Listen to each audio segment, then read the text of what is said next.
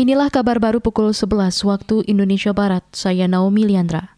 Presiden Joko Widodo hari ini melakukan kunjungan kerja ke Provinsi Jambi. Presiden dan rombongan akan menuju Pasar Angso Duo untuk menyerahkan bantuan langsung tunai atau BLT minyak goreng kepada masyarakat penerima manfaat. Sebelumnya, Presiden Joko Widodo mengatakan pemerintah akan menyalurkan BLT minyak goreng mulai bulan ini. Bantuan senilai 100 ribu per bulan dan akan diberikan untuk tiga bulan sekaligus atau senilai 300 ribu. Presiden Joko Widodo juga meminta agar BLT minyak goreng disalurkan secepatnya sebelum lebaran. Masih terkait minyak goreng, Lambannya pemerintah menangani masalah kartel minyak goreng mendapat sorotan parlemen. Anggota Komisi Bidang Industri di DPR dari fraksi PKS, Nevi Zuarina, menyebut fraksinya akan segera mengajukan hak angket guna menyelidiki dugaan mafia kartel minyak goreng. PKS kan mengajukan hak angket ya tentang minyak goreng. Dari kita juga rapat dengan KPPU. Ya, e, memang pemerintah ingin nanti akan ada nama yang keluar mafia yang menimbun ini. Ya, e, tapi tadi saya dengar dari KPPU sekarang baru satu alat bukti. Ya, nanti begitu dua alat bukti langsung diumumkan oleh KPPU ya. Itu tadi anggota Komisi Bidang Industri di DPR Nevi Zuarina.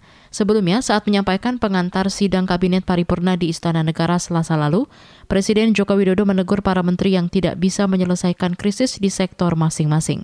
Salah satunya terkait polemik minyak goreng yang tak kunjung selesai.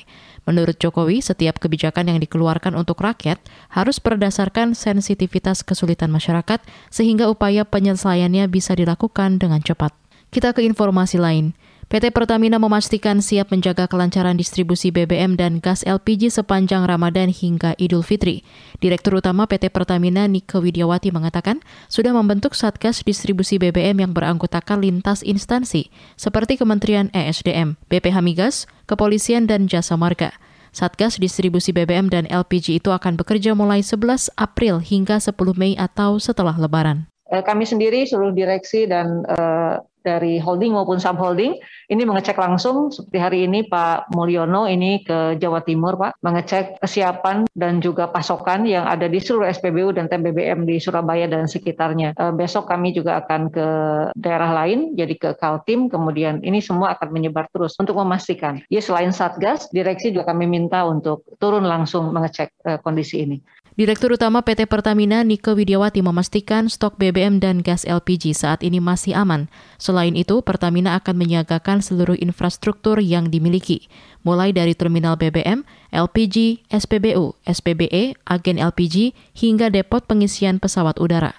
Pertamina juga akan menyediakan layanan tambahan BBM di jalur potensial seperti jalan tol, kawasan wisata, dan akses lintasan utama lainnya.